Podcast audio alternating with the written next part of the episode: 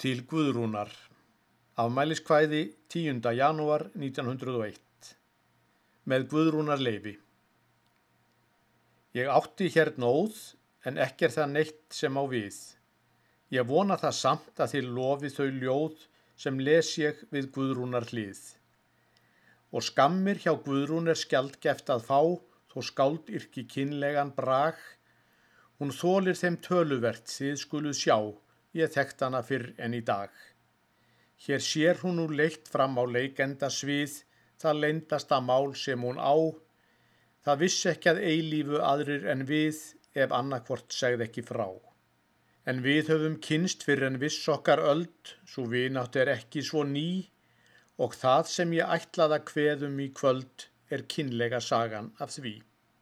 Þið þekktu það neflust og eins hennar braut um árin hinn síðustu þrjú, Hún hló og hún grét og hún gekk eða þaut um gödurnar rétt eins og nú.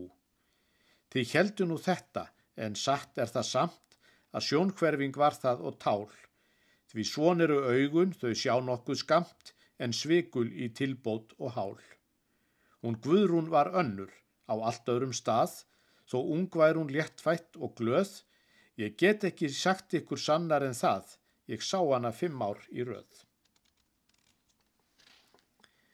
Þið þekki það volduga völundarspil sem veröldum þyrlar í hóp, því fleir eru himnar og heimarnir til en hann sem að Jehova skóp. Og draumanna, álvan og ástanna heim við öll höfum fengið að sjá og það var nú emmitt í einum af þeim sem afmælis barnið var þá. Þið getið því nærrað hún Guðrún var rík, því gullið mitt sjálfur ég sló og skamdegið hafði ég skemmren í vík og skærari kvöldljósin þó. Hún var aðeins söйтján en samt var hún há og samt var hún drottningin þar. En konginum segir ei saga mín frá og síst hversu gamall hann var.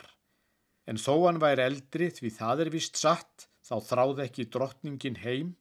Þú mannst það var indislegt guðrún og glatt og gaman í heiminum þeim.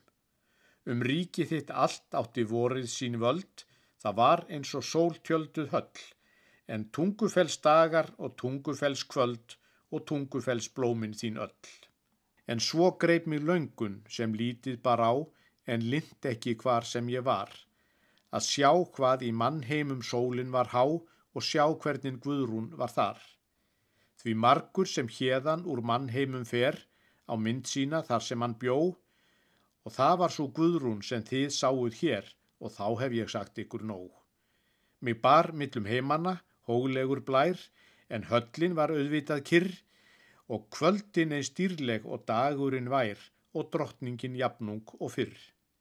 En þar var hún minni sem eðlilegt er á átjánda þegar ég fór, en svo kom ég hingað að sjá hana hér að sjá hvað hún guðrún var stór. Ég skjala nú reyndar sem skemst um þann fund en skrítin var breytingin svo að sjá hana komn eftir svo litla stund úr 17 í 23. Það bar ekki á því að hún breyttist til meins niður blómin á drottningar kinn, svo fann ég hún kisti mig öldungis eins og álfheima konungin sinn.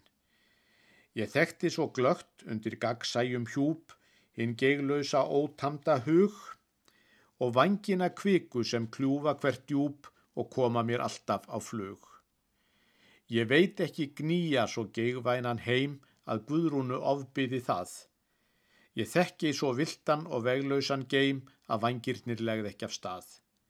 Ég sé líka Guðrún að sjálf ert það þú, við segjum þig velkomin gest, hún má vera sjónkverfing myndin þín nú, í mannheimum fér hún þér best en úr því við gátum nú átt hérna fund og erum nú sjálf komin hér, þá getum við sínt okkur saman um stund og séð hvernig veröldin er.